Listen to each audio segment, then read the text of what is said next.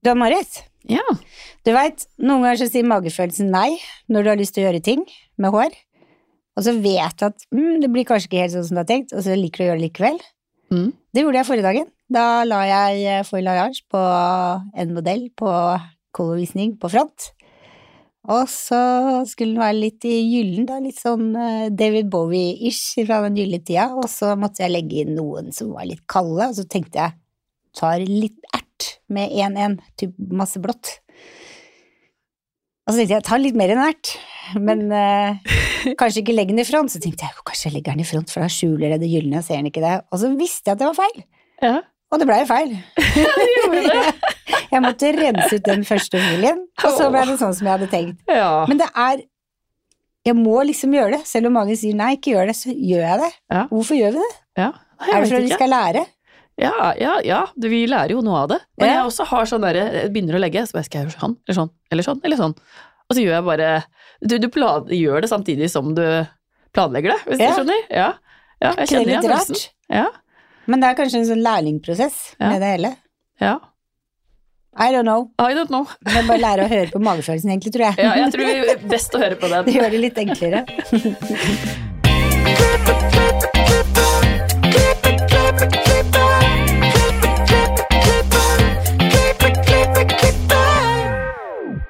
Velkommen til Hårepodden. Jeg heter Ann-Marit. Jeg heter Renate. Ja, Marit. Ja, du, jeg, jeg har jo starta salong, som vi snakka om i forrige episode. Så jeg har bare lyst til å fortelle om den første dagen Ja. som jeg åpna. For da kom jeg inn i lokalet, ikke sant. Der er det jo ingen, det er jo bare meg. Jeg liksom sto og venta på skjønnen. Det var, det var så veldig sånn spesiell følelse. For at det, det er kun meg som står i dette her, liksom. Det var sånn skrekk, virkelig skrekkblanda flyd, liksom. Og var litt nervøs for første kunde, som jeg kjente kjempegodt, som kom. Og, men det er jo liksom rart med det, hvor fort du blir vant til ting, da. Men den Mm. første liksom åpne døra etter å ha stressa deg i hjel, egentlig, for å åpne den salongen i det hele tatt. Er det en dream come true? Ja, det er det, altså. Mm. Jeg er så fornøyd åssen utseendemessig det har blitt. Men det må jeg også fortelle. Første kunden skulle farge Viperødbyen og nappe. Jeg bare nappe, ja. Jeg har ikke pinsett.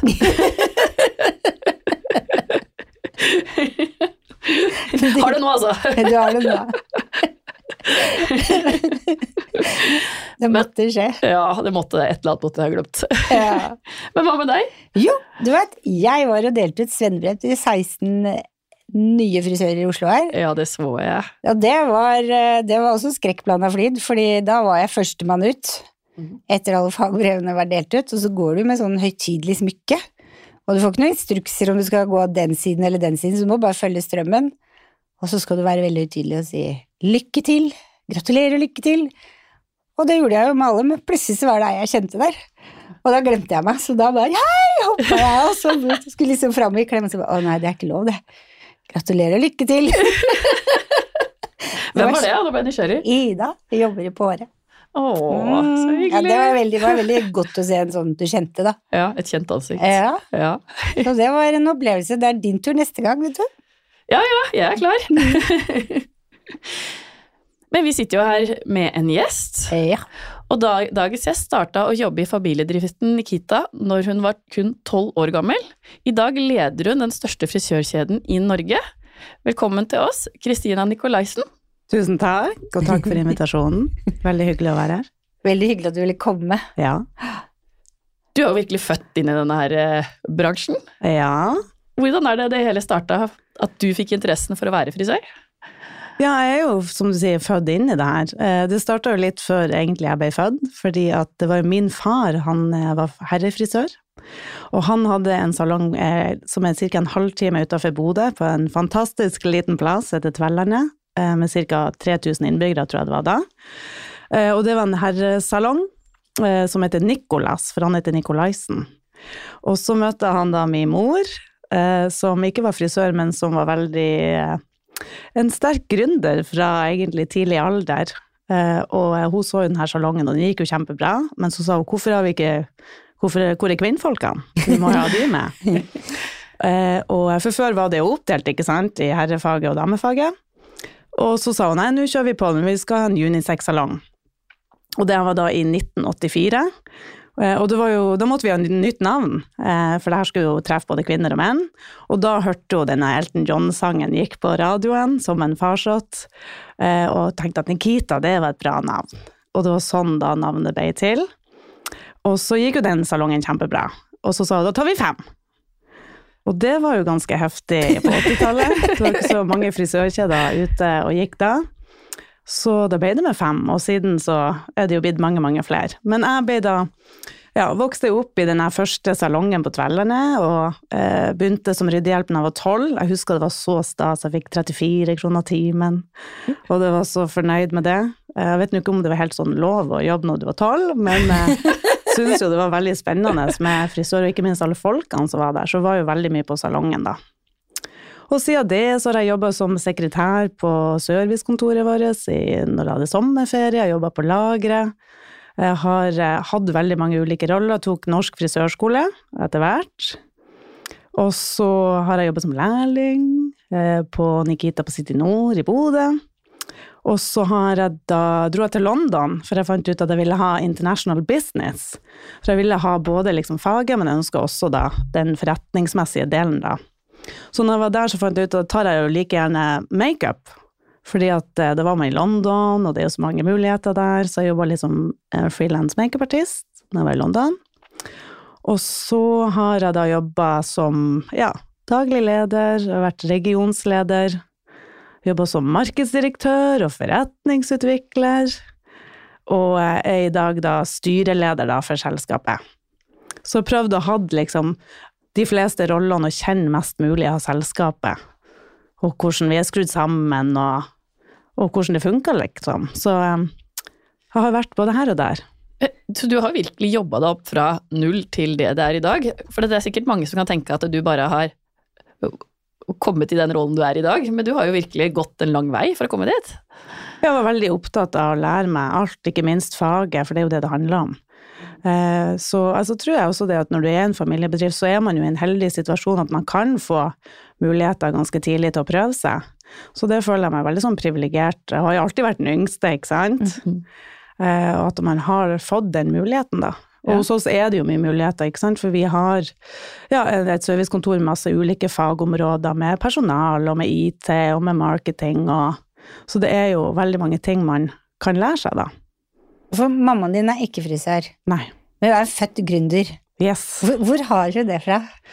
Eh, Hun ble jo eh, Ja, godt spørsmål. Hun ble jo gravid da hun var 14, Ja. og så fikk hun ungen da hun var 15, som er min søster og Linda. ja. Og, og da ganske kort tid etter det så starta hun opp med barneklær. For hun hadde jo en unge, så da så hun jo business i det. så det var det første. Så hun var tidlig på der.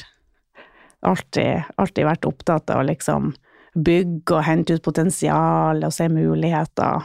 Har det veldig sånn i ryggmargen, da. Det er gode egenskaper.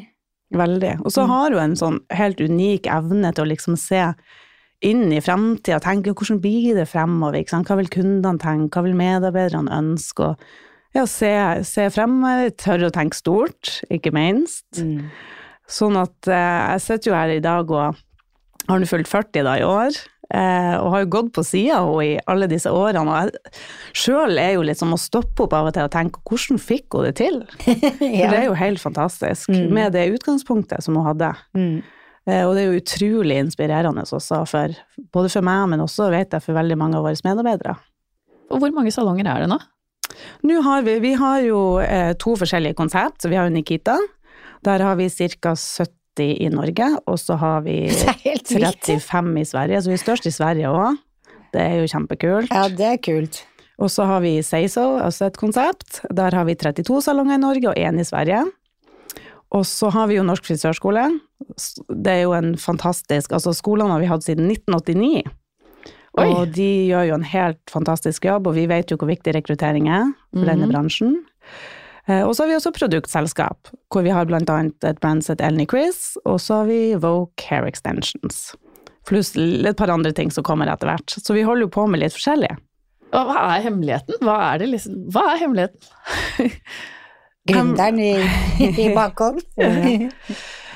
Ja. Det er jo eh, Altså, så Inger Ellen sa jo det, at hun har hatt to forelskelser i sitt liv, og det ene var jo min far, så det er jeg veldig glad for, for det ble jo jeg til. Ja. Eh, Men det andre er jo en som heter Henry Ford, for at hun hørte jo liksom i oppbygninga hun vokste opp, og det er klart med det utgangspunktet hun hadde og ble gravid tidlig og ikke hadde noe utdannelse, så hørte hun at han Henry Ford hadde sagt at hvis du tror du kan klare det, eller tror du ikke kan klare det, ja, så har du helt rett. Og da ble en litt sånn switch for henne at ja, men hvis man tror man får noe til, ja, så får man det til. Mm. Å ha den innstillinga. Så den har hun liksom hatt med seg hele veien. Og det er jo veldig sånn i kulturen vår, så eh, ja, det, det er veldig sånn sterkt hos oss, det å liksom tro at det er mulig, ha trua på hverandre, ha trua på bransjen, eh, prøve nye ting og tro på at det går fint. Sånn at eh, den ligger nok veldig sånn sterkt hos oss. Det likte jeg så godt. Ja. Mm. Ja. Det er veldig fint. ja. Ja. Hvor mange ansatte er dere? 1067. Oi! Vanligvis så hører vi sånn 130 til 200, så tenker vi oh, Mm. det er helt vilt. Men åssen er det å lede så mange?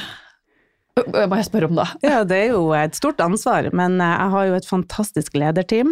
Så jeg sitter jo som styreleder, og så har vi jo ledergruppe med veldig, veldig flinke folk. Og ikke minst så har vi jo veldig dyktige regionsledere som har ansvar for sine regioner og salonger. Og så daglig lederne, som er leder for den enkelte salongen, da. Så det er jo veldig lett når man jobber med så mange dedikerte og flinke ledere, da. Altså, det er jo de som virkelig gjør jobben. Eh, Men det er et stort ansvar, og det er utrolig artig. Altså, og Inger Ellen, når vi vokste opp, så sa hun jo ja, jeg har starta det her, og dere, men dere ungene, dere kan gjøre akkurat hva dere vil. For hun ville at det skulle være litt opp til oss. Og det var jo veldig fint, det, da. Men jeg har aldri vurdert noe annet. Det var liksom ikke et spørsmål. Nei. Søsteren dine. Hun jobber også i selskapet, Ja. da. Sånn at uh, vi er jo liksom vokst opp med Nikita, og det, det blir jo som et familiemedlem, ikke sant? Eh, og har jo vært en helt fantastisk eh, reise, og mer skal det bli. Mm. Men jeg tenker også den bransjen her, for frisørbransjen er jo en utvikling hele tida. Det er jo alltid noe som skjer. Og dermed så er det jo aldri på en måte en kjedelig dag, og det er jo alltid noe nytt. Så det å velge en annen bransje var liksom ikke et option for min del. Og så, så, så kom jo pandemien, og dere har jo da 48 flere salonger enn alle andre har. Hvordan har det vært for dere i etterkant? I etterkant Ja.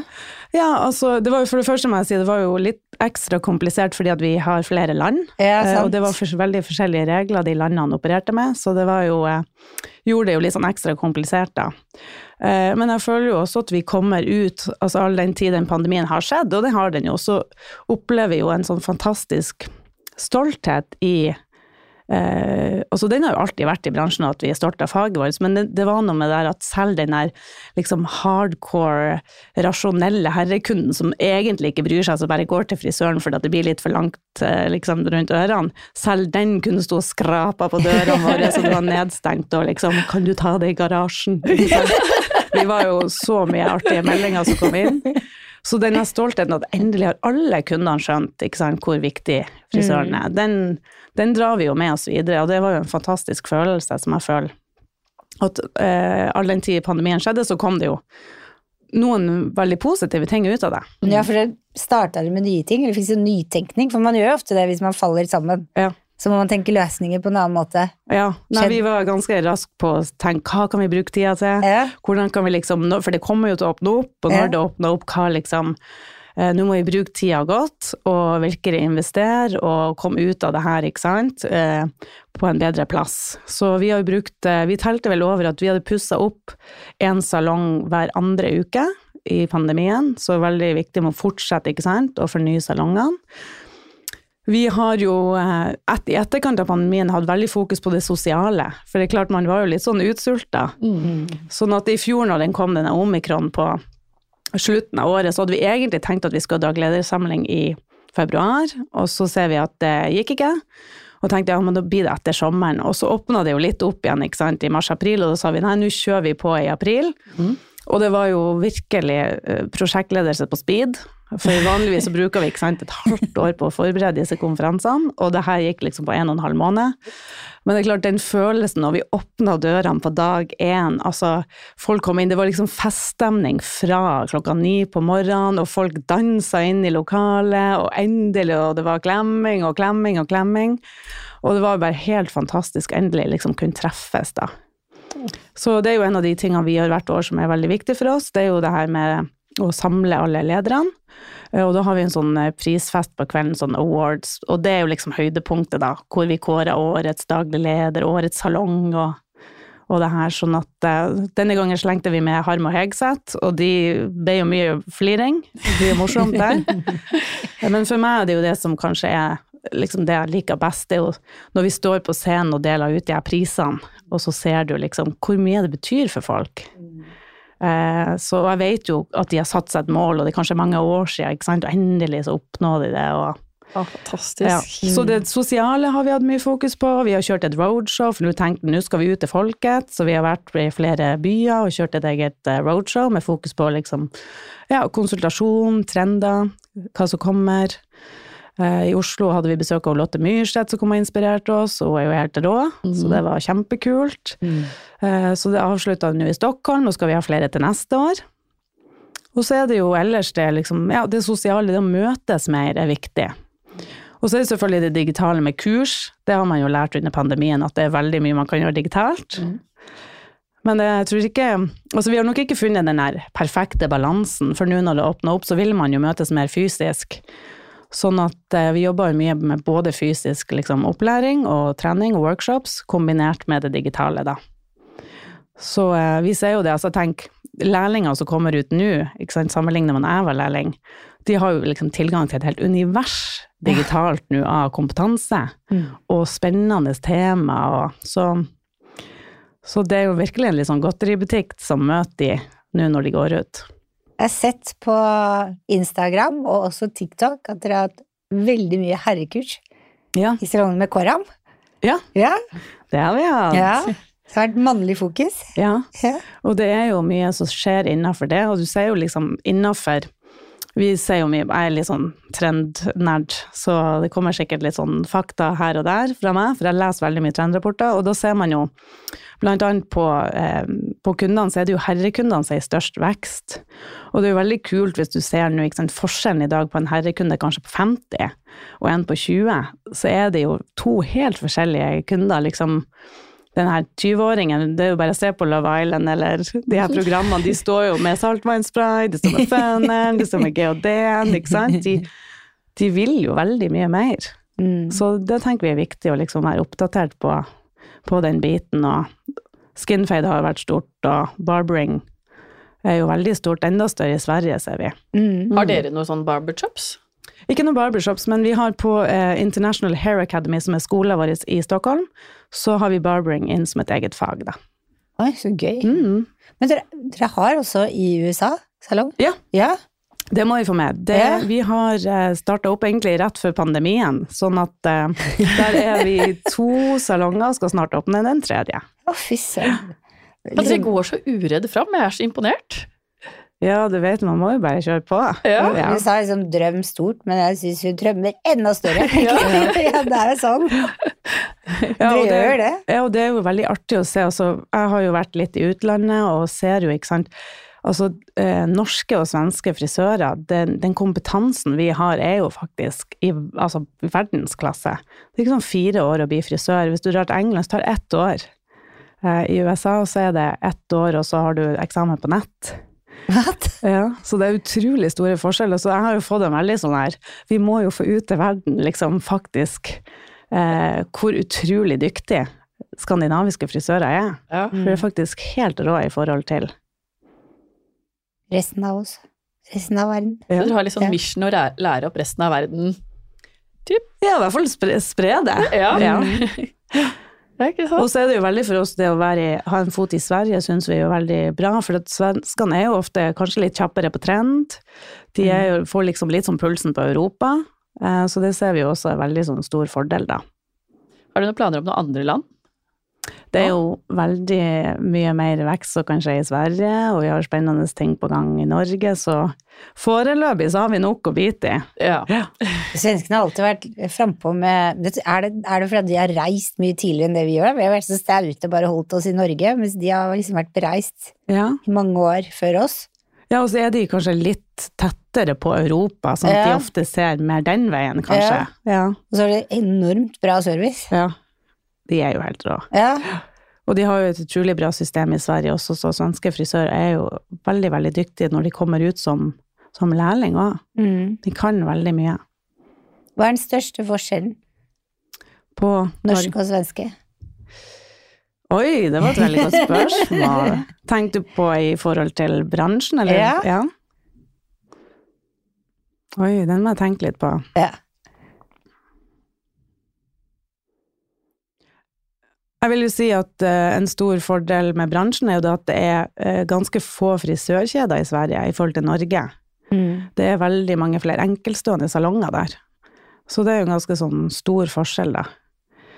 Ellers så vil jeg jo si at eh, man merker jo at trendene kommer tidligere til Sverige. Vi får jo ofte høre om liksom, keratinbehandling før det har helt kommet hit. Så det ser vi jo på som en veldig stor fordel for oss å få litt pulsen på det, for det kommer Mm. ofte litt før. Det merker vi. Mm. Mm. Kan du beskrive en bra dag på jobb? Ja, ikke hver dag en bra dag på jobb. Ja, ikke ja. ja, en bra dag på jobb. Jeg har jo, altså jeg er jo veldig heldig for at jeg jobber jo med utrolig mange forskjellige ting, så jeg har jo veldig sånn varierte arbeidsdager. Mm. Men de beste dagene, ja, det må være når jeg har, altså vi har medarbeidere, eh, enten på kontoret, eller jeg treffer de, daglige ledere, eller svenner, eller lærlinger, for det gir alltid liksom så mye energi. Eh, Så ja, det kan være veldig variert eh, en dag hos meg. Alt fra å komme på jobb og vi har sant, lærlingring, til vi kjører Business Academy for lederne, eller det er fotoshoots, eller så det er styremøter. Så det er liksom høyt og lavt, da. Eh, Veldig mye forskjellig. Men det er jo først og fremst menneskene, når man er i lag med de, som er det beste. Hva er det neste store for henne i Kita? Det neste store? Ja, vi har eh, Vi holder på med litt forskjellig akkurat nå. Vi har nettopp lansert et sånn eh, program for medarbeiderne hvor eh, de kan få Vi har teama opp med litt sånn ulike samarbeidspartnere innenfor klær og beauty og diverse bransjer, sånn at de kan få litt sånn ekstra gode deals da på en del eh, fine brands. Oi. Så det, var det lanserte vi i forrige uke, så det var veldig godt tatt imot. Og det skal vi bygge videre på. Eh, så det er nå på gang. Og ellers så en stor ting vi kommer med til neste år, det er et sånn eh, kundeprogram. Eh, som er mer digitalt, og som vi har veldig trua på. Kan du det- fortelle? Ja, det kan jeg fortelle. Da er det Vi ser jo det at kundene er jo veldig opptatt av det der lokale, ikke sant. Hva som skjer i mitt nærmiljø. Bli enda bedre kjent med frisøren. Eh, vi ser jo det at det er en stor ikke sant, trend nå at kundene vil ikke bare vite hva, altså, hvem er det made by. Eh, altså, kan vi kutte den? Ja. Ja. Da ble det feil. Eh, da kan jeg bare hoppe tilbake, og så kutter du. Ja, ja, ja, ja. En av de tingene vi ser nå, er jo at kundene ikke bare er opptatt av made in, altså hvor er ting laga, men det er made by. Så folk vil vite litt mer hvem er menneskene bak, hvem er de, de vil bli bedre kjent, ikke sant. Sånn at dette programmet vil jo gjøre at vi kan kommunisere mye tettere med kundene våre. Eh, Hver salong kan kommunisere mye oftere eh, og bedre, og ikke minst at det blir mer personlig for kundene. Eh, Type nyhetsbrev, SMS, og også oppfordre de til å komme litt oftere. Ja.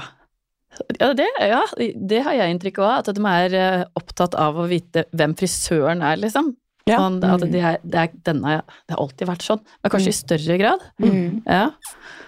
Jeg tror jo det, jeg husker det har vært en del artikler ute som sier at ja, to, to tredjedeler av kundene har frisørskrekk. Jeg vet ikke om de tallene er helt riktige, men altså, jeg tror at det er, den er ganske stor, den kundegruppa som liksom ønsker å vite i forkant, som trenger den tryggheten. Og nettopp sånne ting er jo med på. Liksom, hvem er de som jobber, hva er de gode på, ikke sant. Mhm. Så vi ser jo bare på Instagram, det å ha den highlighten på hver frisør eh, er jo kjempeviktig. Mhm. For kundene vil vite liksom før de kommer. Mm. Og veldig mange nå sjekker jo på nett før de Mhm. før de besøker salongen. Så det er jo veldig viktig å være til stede der. Jeg har lagt merke til også, det er også på Instagram, eh, det har jeg fulgt med på et par år, at veldig mange av de som er sånn colomaster hos dere, Ja. de har bilde av hår, så er det kanskje chocolate, og så er det da chocolate i en kakao eller et Ja. eller annet i samme farge ved siden av, at det er inspirasjonsbildet og håret. Ja. Og det legger du merke til. ja. Det der er vel en sånn Laila Pettersen? Ja, ja, ja. Men det har jo bare spredd seg. ja. Ja. Ja, og Laila er jo flink, da. Mm. Hun er jo det. Ja, Hun har jo mye av det på sine, så eh, ofte inne og sjekker hva hun holder på med. Ja, det er så lekkert. Veldig. Ja, Hun er jo helt rå på farge. Mm. det er jo. For det er vel av dere har. Ja, Ja. det er vel hun. Har du en morsom historie fra din karriere du vil dele? En morsom historie, ja. Ja, altså, jeg vet ikke om det er så morsom, men eh, den husker jeg jo i alle fall veldig godt. Og det var når eh, jeg var 19 år, så hadde, var vi på ferie i Spania. Og så da med familien, med mora mi og faren min. Og så den dagen vi skulle dra hjem, så sier jo Inger Ellen da, min mor, til meg at eh, du skal ikke dra hjem, du blir igjen her. For du skal starte en salong. Og så så 19 år, ikke kunne spansk, så det, oh. bare der var det jo eh, en liten stretch. eh, og eh, fikk da leiekontrakten i handa og sa lykke til, dette går fint, you can do it. Oi, oi, oi. Eh, For da skulle vi ha da en salong som var mer for medarbeiderne, for vi hadde ei leilighet der for medarbeiderne, så de kunne reise og bo og ha feriene sine i. Og så tenkte jo Ingrid ja, men da tar vi en liten salong liksom samtidig, og det er jo artig å lære seg det spanske, og folk kan komme og jobbe her, ikke sant, og det blir kult å, få litt variasjon. Så, men noen måtte jo få denne salongen ferdigbygd. Og det ble det. Så det var jo ganske festlig når man ikke kunne språket og ikke var så gammel. Men eh, det gikk fint. Det gjorde det. Hvor Ja. lang tid brukte det. Og, Nå, nå er det jo litt sånn manana, manana i Spania, så det gikk jo ikke så fort som man håpa, men vi kom i mål, og salongen ble fin, og det var veldig artig for de medarbeiderne som kunne komme og jobbe der. Du har virkelig blitt utfordra, du. Ja. Jeg tror det er en fordel at du var så ung, egentlig, for da er du litt uredd. Hadde Ja. du sagt det til en 30-åring, så hadde du, da tror jeg du hadde besvimt. Nei, det var utrolig artig. Det er jo det som er, ikke sant. Det er jo skummelt om man hopper litt ut i det, men det er jo der læringa skjer òg, ikke sant. Mm. Det er tøff love. Ja. ja. Nei, Men det- var veldig artig. Jeg ser jo tilbake på det som en utrolig opplevelse. Lærte du spansk? Lærte spansk, ble god på det. Ja. Ja da. Herregud. Hva tror du skal til for å rekruttere flere inn i bransjen vår? Jeg tror at eh, det at hele bransjen liksom tar et tak i forhold til å få frem de mulighetene som er. Jeg opplever veldig ofte at man snakker kanskje med liksom foreldregenerasjonen, eh, og de ikke, ikke aner at ja, men du kan bli educator, eller du kan ja, jobb som daglig leder, eller du kan ja, opplæringsveien, eller den kreative veien, eller sant? Og til og med noen sant, bruker jo frisørfaget og kanskje på sikt blir sosionom, ikke sant. Det er jo også et veldig sånn omsorgsyrke. Sånn at det at det også er Altså det er en fantastisk karrierevei, tror jeg at det er veldig viktig at man får ut der, og at vi jobber med hele veien. Og de mulighetene som da finnes. Må, tror jeg få det mer ut der. Ja. Ja. Jeg snakka med en coach en gang, og hun sa at de beste pedagogene, de fant du i frisøryrket. ja. Mm.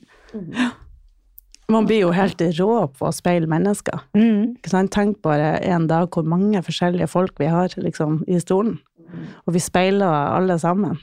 Og alt vi lærer av dem. Mm. Altså, du har jo et unikt nettverk, da. Hvis Mm. du trenger noe, så skal du spørre en frisør. Eh, Ja, virkelig. Kjenner, kjenner de fleste, og de beste. Ja, ja, faktisk. Ja. Og det er også sånn hvis du ser i si, veska til kundene, Mm. til enkelte frisører, så er det jo De har jo alle produktene, liksom. De har leppestiften, de har hudkremen, de har Mm. liksom alle de produktene som frisøren anbefaler, for vi kan jo veldig mye, ikke sant, utover Mm. håret òg. Mhm. Så det er jo veldig artig å se. Har du noen tips til frisører som vil opp og fram? Opp og frem, yes! Da tenker jeg Vi var jo nå en runde på frisørskolene våre som møtte alle disse nye elevene. Og da hadde jeg med meg en kollega som heter Marte, og hun sa til de si ja til alt.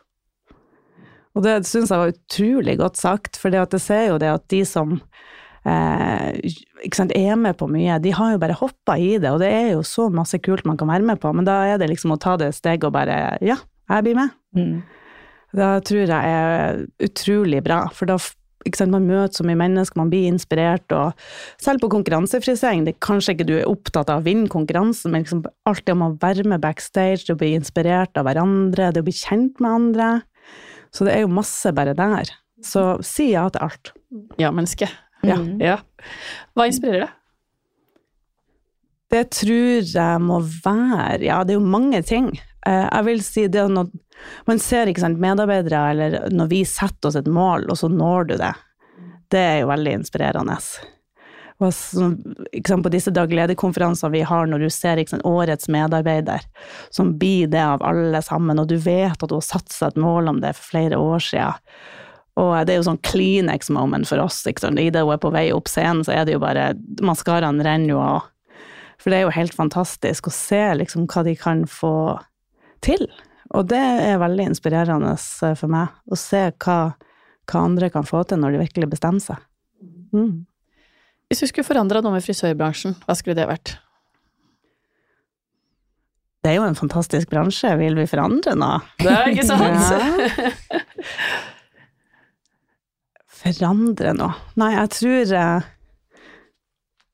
Det der med å rett og slett eh, få frem de mulighetene faget og yrket har, tror jeg er bare viktig å jobbe med hele veien.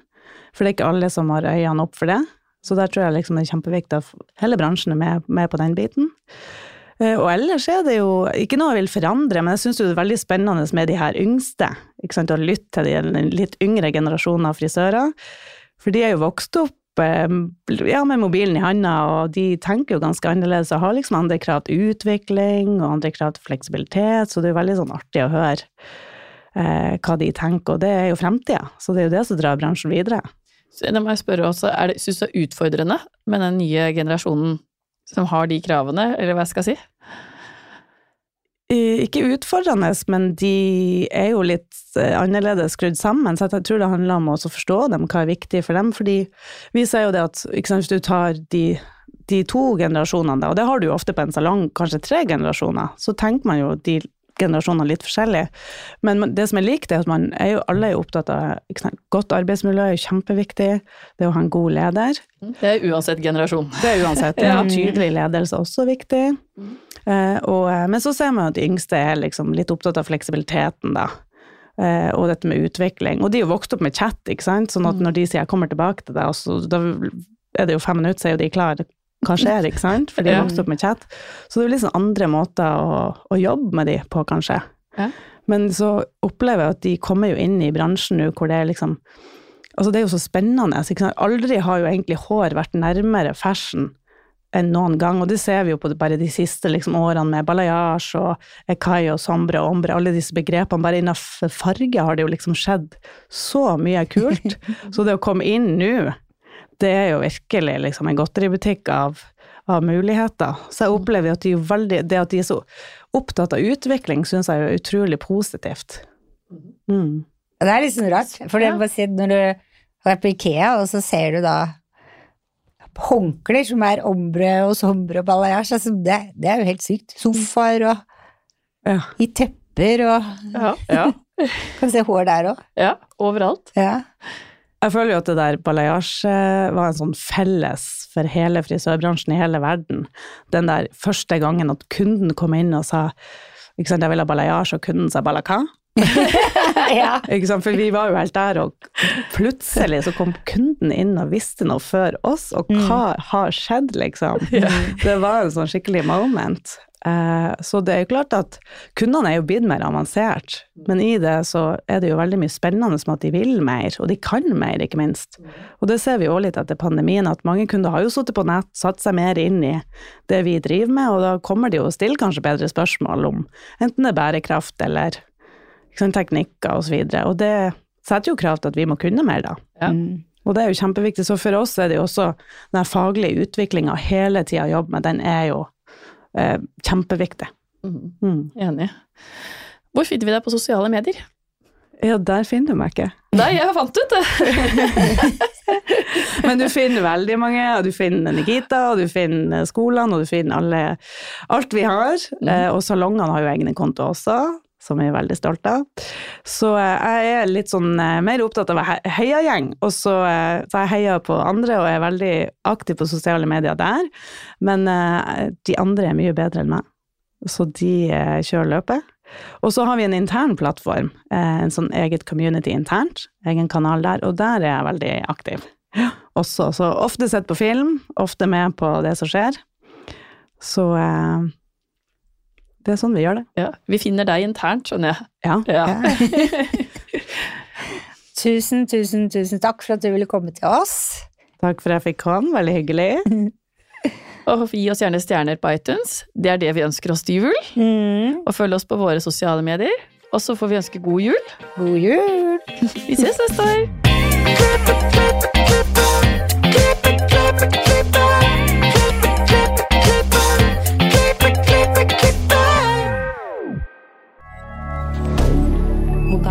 Media. Har du et enkeltpersonforetak eller en liten bedrift? Da er du sikkert lei av å høre meg snakke om hvor enkelt det er med kvitteringer og bilag i fiken, så vi eh, gir oss her, vi. Fordi vi liker enkelt. Fiken superenkelt regnskap.